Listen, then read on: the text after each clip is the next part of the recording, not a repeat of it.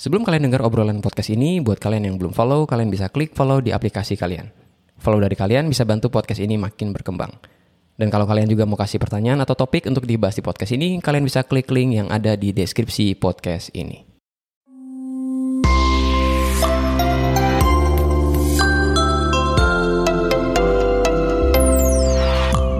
Selamat datang di podcast Pak Kris. Oke, nah di episode kali ini kita akan bahas beberapa pertanyaan yang gue dapetin dari webinar di SMAK 3 BPK Penabur Jakarta kelas 11 ya. Jadi ceritanya minggu lalu uh, eh, gue diundang untuk bawakan webinar dengan judul Pembelajar Sejati yang Mandiri.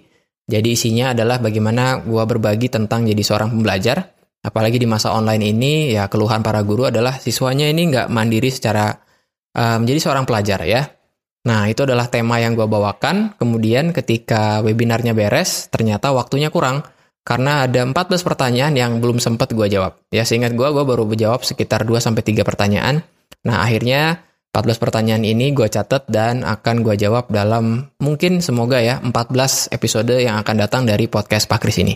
Oke, nah kita akan langsung jawab pertanyaan yang pertama nih ya tentang kesempatan. Oke, jadi pertanyaannya kayak gini. Kak, saya mau nanya kak, kenapa kakak bilang kita jangan ambil semua kesempatan yang ada? Bukannya kita harus ambil semua kesempatan yang ada ya? Karena kita kan nggak pernah tahu betapa sempurnanya sebuah kesempatan itu. Terima kasih kak. Nah, gue lupa kenapa gue bisa jawab, uh, bahas tentang uh, kesempatan ini ya. Tapi pertanyaannya adalah, uh, tadi kalau kalian udah dengar dengan seksama, pertanyaannya adalah, kenapa nggak kita ambil semua kesempatan? Karena mungkin ada kesempatan yang akhirnya nggak kita ambil, kemudian ternyata kesempatan itu sempurna banget ya. Nah, jawaban gue sebetulnya singkat aja. Singkatnya kayak gini, um, kita mesti tahu bahwa kesempatan itu datang dengan benefit dan juga cost-nya. Jadi kesempatan itu datang dengan manfaat pada kita atau pada orang lain yang kita kenal ya. Dan juga ada biayanya, ada cost-nya. Dalam hal ini adalah biaya energi, biaya waktu, biaya uang, perhatian, stres, dan semuanya, ya.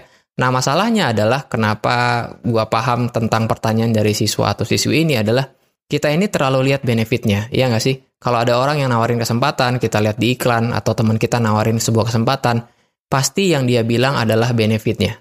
Menurut gua kalau teman yang baik harusnya adalah cerita benefitnya juga dan juga costnya juga. Jadi bukan hanya sekedar ngajakin kesempatan itu, ya. Sekarang gua kasih contoh dalam kehidupan gua. Gue adalah seorang dosen, gue seorang pendidik, dan gue banyak banget melewatkan begitu banyak kesempatan untuk berbisnis. Sebagai contoh, gue banyak banget ditawarin untuk bisnis MLM, multi level marketing. Dan setiap yang ngajakin gue itu adalah mereka yang bilang benefitnya apa, berapa banyak uang yang mereka dapat, berapa bonus yang mereka dapat, mungkin bisa beli mobil, bisa beli motor, bisa beli rumah, mungkin juga sampai bisa beli pulau, ya. Gue sih percaya ya. Nah kadang begitu gue tolak dengan halus, mereka bilang bahwa, eh lu kok nggak percaya sama gue ya? Ini gue dapet ini, dapet ini, dapet ini. Itu baru dia doang. Belum lagi kalau dia pamer soal uh, atasannya ya. Dalam hal ini mungkin yang ada level di atasnya dia. Ini loh, ini dia mentor gue, terus dia dapetin ini, dapetin ini, terus sekarang dia punya jet pribadi dan sebagainya. Gue sih percaya banget dengan itu ya. Pernah ada yang nawarin ke gue dan gue bilang sama dia bahwa, e, cuy, gue tuh percaya sama lu bahwa lu mendapatkan begitu banyak uh, benefit dari sini, lu punya mentor juga yang memotivasi lu, tapi itu bukan dunia gua. Ya karena gue yakin dan percaya bahwa setiap pekerjaan itu pasti ada biayanya. Menurut gua, ketika gua akan masuk dalam bisnis MLM, ya kan, gua akan memiliki waktu yang harus gua dedikasikan untuk bisnis itu, ya kan? Karena nggak ada pada dasarnya bisnis yang tinggal kita duduk, kita berbuat seenaknya, kemudian duit datang. Menurut gua nggak ada yang kayak gitu ya. Nah, terkadang kos itu yang kadang kita nggak lihat. Dan juga orang yang ngajakin kita juga nggak cerita, ya. Jadi, gue nggak mau dipusingkan dengan begitu banyak telepon yang harus gue reach out ke orang-orang buat nawarin produk itu. Gue juga nggak mau um, ngotorin, ngotorin tanda kutip ya. Sorry banget kalau ada yang kena, kena offense, tapi gue nggak mau buat promosiin apa yang mau gue jual di uh, Instagram. Dalam hal ini barang, ya. Karena gue adalah seorang pendidik, maka yang gue jual dalam tanda kutip di Instagram adalah konten yang gue buat. Di podcast ini misalnya, di YouTube misalnya, di blog gue misalnya, atau ya jadwal webinar di beberapa tempat ya. Jadi kalau gue punya sebuah pilihan menjadi seorang pendidik, kemudian ada kesempatan lain yang gue lewatkan, itu semata-mata hanya karena gue nggak mau bayar harganya aja. ya. Nah, itu contoh yang pertama tentang bisnis atau MLM. Contoh yang kedua adalah ada juga yang nawarin gue untuk trading forex ya. Kalian mungkin tahu tentang trading forex ya. Nah, um, orang yang ngajarin tentang trading forex atau ng atau ngajakin gitu kan, ya yang mereka ceritain pasti benefitnya doang. Ya, kebanyakan kayak gitu ya. Menurut gue hanya sedikit banget yang ngomong soal costnya ya. Nah, gue percaya dari trading bisa dapat banyak duit, bisa dapat banyak kenalan, bisa dapat pengalaman, bisa belajar, bahkan suatu saat mungkin bisa jadi trading uh, trader yang kawakan banget ya. Cuman gue nggak mau dibuat stres gara-gara tiap hari gue buka handphone kemudian lihat itu pasar modal gerakannya kayak apa. Kemudian gue nggak mau tahu juga setiap detik pergerakan rupiah terhadap dolar kayak apa. Ya karena pikiran gue ini jauh lebih berharga untuk gue lakukan pada hal yang memang panggilan gue dalam hal ini mengajar. Ya jadi menurut gue untuk kalian yang memang melihat sebuah kesempatan itu adalah equal, kalau kalian ngelihat bahwa ah sayang nih kalau gue nggak lewatin ini, mungkin gue nggak akan sukses. Coba pikir lagi ya, karena setiap kesempatan itu pasti datang dengan sebuah cost atau biaya ya. Entah itu ajakan untuk berbisnis, entah itu ajakan untuk belajar sesuatu, entah itu ajakan untuk masuk dalam sebuah komunitas ya. Apalagi soal komunitas nih ya, banyak nggak sih yang ngajakin kita untuk ikut dalam sebuah komunitas, entah itu komunitas yang sifatnya hobi, komunitas yang sifatnya profesi, atau komunitas yang juga menghasilkan uang jangan jangan lupa ya bahwa komunitas itu selalu ada waktunya. Kita nggak mungkin bisa in dalam sebuah komunitas kalau kita nggak invest waktu. Bukan cuma waktu, kita mesti invest energi juga. Kita nggak bisa main-main ketika join dalam komunitas itu, kemudian kita bawa energi yang rendah, orangnya terus kitanya capek, kayaknya nggak akan juga maksimal. Belum lagi kita mesti ngongkos kalau kita harus ketemu dengan orang-orang itu. Artinya, kalau ada sebuah weekend yang harus kita korbankan untuk ikut dalam komunitas itu, tentu saja menjadi sebuah hal yang harus kita korbankan di WKM tersebut. Dan juga demikian waktu-waktu lainnya, ya. Dan kalau ada orang-orang yang nawarin ke kalian bahwa ini bisa dilakukan loh dalam waktu senggang gitu loh. Definisi menurut gua, definisi waktu senggang adalah waktu yang dibutuhkan untuk uh, badan kita atau psikis kita atau mental kita untuk istirahat, ya. Kalau gue sih nggak mau untuk mengisi waktu senggang gue dengan sebuah pekerjaan, ya. Walaupun itu sifatnya sebuah pekerjaan yang mendatangkan uang, tapi pasti yang mendatangkan uang itu menurut gue pada dasarnya akan membuat stres kita juga ya. Awal-awalnya mungkin enggak kita merasa bahwa oke okay, gue bisa jual ini kemudian gue bisa lalu kalian uh, eh, gue akan merasa senang.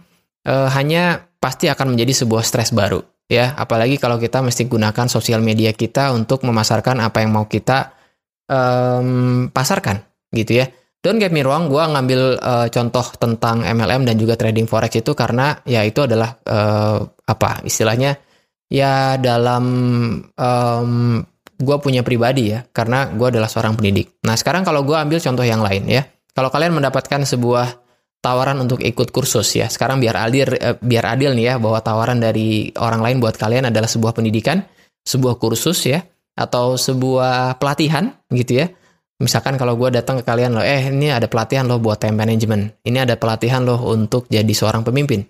Ini adalah pelatihan untuk jadi seorang yang punya personal branding yang bagus ya. Terus gue ceritain semua benefitnya, gimana kalau lu bisa belajar dengan maksimal pada saat online misalnya, ada pelatihannya.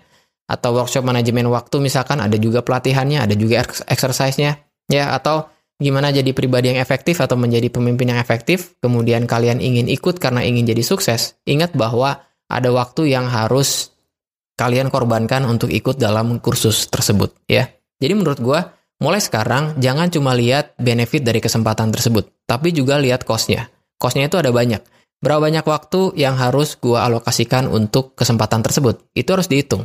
Apakah akan mengorbankan weekend kalian? Apakah akan mengorbankan waktu bersama keluarga? Apakah akan mengorbankan waktu untuk main game? Lu misalnya Apakah akan mengorbankan waktu untuk nonton drama Korea dan sebagainya? Pokoknya terserah kalian, kalian mau alokasinya gimana, tapi kalian harus tahu ya.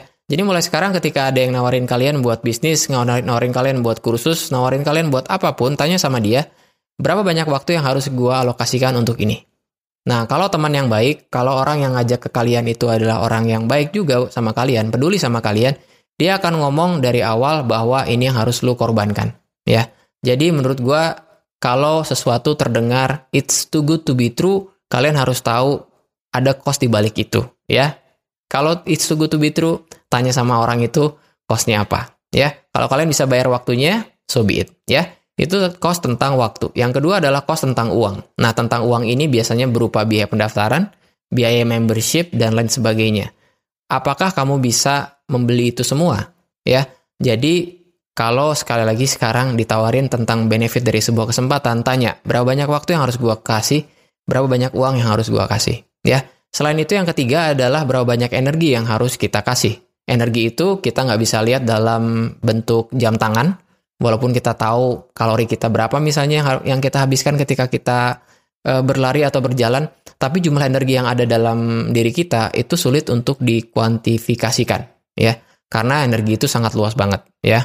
Nah, energi ini bicara soal kapan gue harus melakukan aktivitas untuk kesempatan tersebut, ya. Misalnya seperti ini Misalnya kalau gua misalkan ya untuk ditawarin untuk eh, jualan bisnis MLM atau bisnis jadi agen, maka ketika gua harus mengalokasikan malam hari gua untuk e, membuat atau menjalankan bisnis tersebut, maka gua lagi punya energi yang paling-paling rendahnya banget ya. Jadi tanyain sama siapa pun yang nawarin ke kalian, e, kesempatan itu kira-kira energinya habis berapa ya? Seperti itu ya. Nah, Selain itu, ada juga yang ke tadi berapa? Tiga ya. Yang keempat itu adalah berapa banyak tingkat stres yang akan kalian hadapi. Nah, ini kayaknya akan sangat sulit untuk dikuantifikasikan. Tapi menurut gua ini harus dipertimbangkan ya. Jadi kalau ada sesuatu hal, kesempatan yang kalian lihat, entah itu di TV, di Instagram, di mana pun, mau itu soal jualan, soal kursus, soal masuk dalam komunitas, kesempatan apa pun itu, maka kalian mesti tanya, gue bisa handle stresnya sampai sejauh mana? Ya tanya sama orang-orang yang memang sudah ada di situ ya. Dan kalau mereka cuma sekedar ingin ngajakin lu supaya mereka bisa ya dalam tanda kutip untuk ngajakin lu masuk dalam sebuah movement atau sebuah hype maka kalian mesti ya mulai-mulai pikirin ya berapa tingkat stres yang harus gua uh, bayar ketika gua ikut dalam kesempatan tersebut ya nah Kemudian mungkin yang kelima yang baru aja gue kepikiran dan ini nggak ada di skrip juga ya. Um, kalau kalian juga ditawarin untuk hal-hal yang sifatnya charity. Jadi ditawarin untuk ikut dalam sebuah aksi sosial misalnya. Ditawarin untuk ikut dalam sebuah movement yang memang nggak dibayar. Nah, kalau kalian betul-betul suka dengan bidang itu, kalian juga peduli dengan apa yang menjadi isu dari kesempatan tersebut, nggak ada salahnya buat ikut. Tapi ingat sekali lagi, tanya sama orang yang ngajakin, atau tanya sama siapa pun yang menurut kalian valid untuk kalian tanyakan. Satu, berapa banyak waktu yang harus gue kasih. Yang kedua, berapa banyak uang yang harus gue kasih. Yang ketiga, berapa banyak energi yang harus gue kasih. Ya, kemudian mungkin yang keempat, berapa banyak tingkat stres yang harus gue handle ketika gue in dalam kesempatan tersebut. Ya, jadi sorry to say, kalau kalian melihat begitu banyak kesempatan, kalian nggak bisa ambil semua.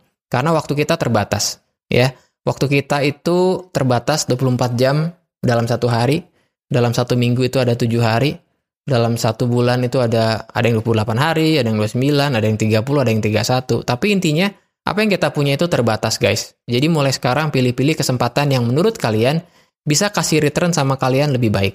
Baik itu dalam berupa uang return ke kalian, bisnis misalnya, atau return sebuah pengalaman, atau return sebuah ya pengalaman belajar mungkin, uh, atau pengalaman untuk bersosialis bersosialisasi atau networking dengan orang lain ya karena waktu kita terbatas oke? Okay? nah mungkin gue akan ceritain sedikit tentang satu teori yang namanya four burners theory atau teori empat tungku dalam bahasa Indonesia ya. Gue tadinya akan bahas ini dalam podcast tersendiri tapi itu mungkin nanti karena ini ada kaitannya dengan pertanyaan tentang kesempatan jadi ini adalah teori yang dipopulerkan oleh orang yang namanya James Clear. Walaupun dia sebetulnya nggak take credit tentang teori ini karena dia tulisin bahwa dia sendiri nggak tahu teori ini dari mana tapi Forman's teori itu adalah bayangkan uh, hidup kita itu seperti ada empat tungku. Jadi empat tungku ketika kita lagi ya masak ya kalau kalian punya sebuah kompor gas bayangin bahwa setiap kompornya itu kan kalau biasanya sekarang kan kompor modern tuh gede banget kemudian bakarannya kan atau penggorengannya itu kan nggak cuma satu tapi kalian bayangin ada empat ya nah Empat itu adalah empat hal, empat bidang yang dalam hidup kalian itu kalian prioritaskan. Dan ternyata hanya bisa empat, nggak bisa lima, nggak bisa enam, nggak bisa tujuh. Jadi bayangkan dalam hidup kita, kita hanya punya empat bakaran dengan uh, jumlah gas yang terbatas. Ya, kalau gua empat bakaran tersebut adalah pertama kesehatan dan keluarga, ya. Jadi gua taruh dalam satu tungku. Yang kedua adalah karir gua sebagai dosen. Yang ketiga adalah pelayanan gue, ministry gue di GKI Cimahi, di Sinode Wilayah Jawa Barat, dan sebagainya. Kemudian yang keempat adalah konten kreator ini. ya. Jadi intinya gue hanya bisa mengelola empat bidang ini. ya. Belum lagi di dalam bidang tersebut juga kan dapat ada turunannya. Misalnya kalau pelayanan, gue ada pelayanan di anak, pelayanan di remaja, itu lebih kompleks lagi. Intinya, kita itu hanya bisa ngelola maksimal empat. Ya, kata teori itu adalah kalau lu mau maksimal dalam hidup, maka lu harus potong dua dari empat tersebut. Kebayang nggak sih betapa prioritasnya uh, teori ini bilang bahwa kita harus mengorbankan dua dari tungku tersebut untuk bisa sangat-sangat maksimal. Tapi intinya kita hanya bisa ngelola empat aja. Jadi sekarang kalau kalian adalah seorang pelajar, salah satu tungkunya pasti adalah pelajar. Yang kedua mungkin tungku kalian adalah keluarga, karena pasti harus ada waktu dengan keluarga. Yang ketiga mungkin hobi, ya kemudian yang keempat ya kalian bisa taruh di situ mungkin kesehatan uh, mungkin juga sebuah profesi uh, atau kerja sampingan gitu ya nah artinya ketika kita udah terlalu banyak dalam tungku kita begitu datang tawaran untuk nambahin tungku kebayang nggak sih bahwa ternyata gas dari kompor kita ini yang merepresentasikan waktu, energi, perhatian, tingkat stres itu akan tersedot dengan tungku yang lain. Ya, maka menurut gua menurut uh, menurut gua sih silahkan untuk betul-betul pikirkan kesempatan apa yang ada di depan kalian entah itu berupa kursus entah itu berupa kesempatan buat keluar negeri kesempatan buat dapetin penghasilan tambahan kesempatan buat jualan kesempatan buat trading kesempatan buat investasi dan apa pun juga lihat sekarang dalam kehidupan kalian jangan sampai kalian mengambil keputusan yang impulsif lalu betul-betul menganggap bahwa kesempatan itu hanya datang sekarang dan kalau kalian lewatkan nggak akan datang lagi. Kadang itu betul, tapi kadang juga enggak. Ya, gue berkeyakinan bahwa Tuhan memberikan begitu banyak kesempatan pada kita, tapi bagian kitalah yang memutuskan kesempatan mana yang harus kita ambil, ya. Dan jangan pernah percaya sama orang yang bilang bahwa, gaya, eh, lu tahu nggak ini kesempatan cuma sekali, nggak akan datang lagi. Tahu dari mana sih? Maksud gue adalah cara kita untuk mendapatkan sebuah berkat, cara kita untuk mendapatkan sebuah kesempatan, itu nggak bisa hanya dikerdilkan dengan kata-kata seseorang, ya tapi sebenarnya datang dari Tuhan yang adalah sumber kehidupan kita. Jadi itu jawaban gue tentang kesempatan yang harus kita ambil, oke? Okay? Bye-bye.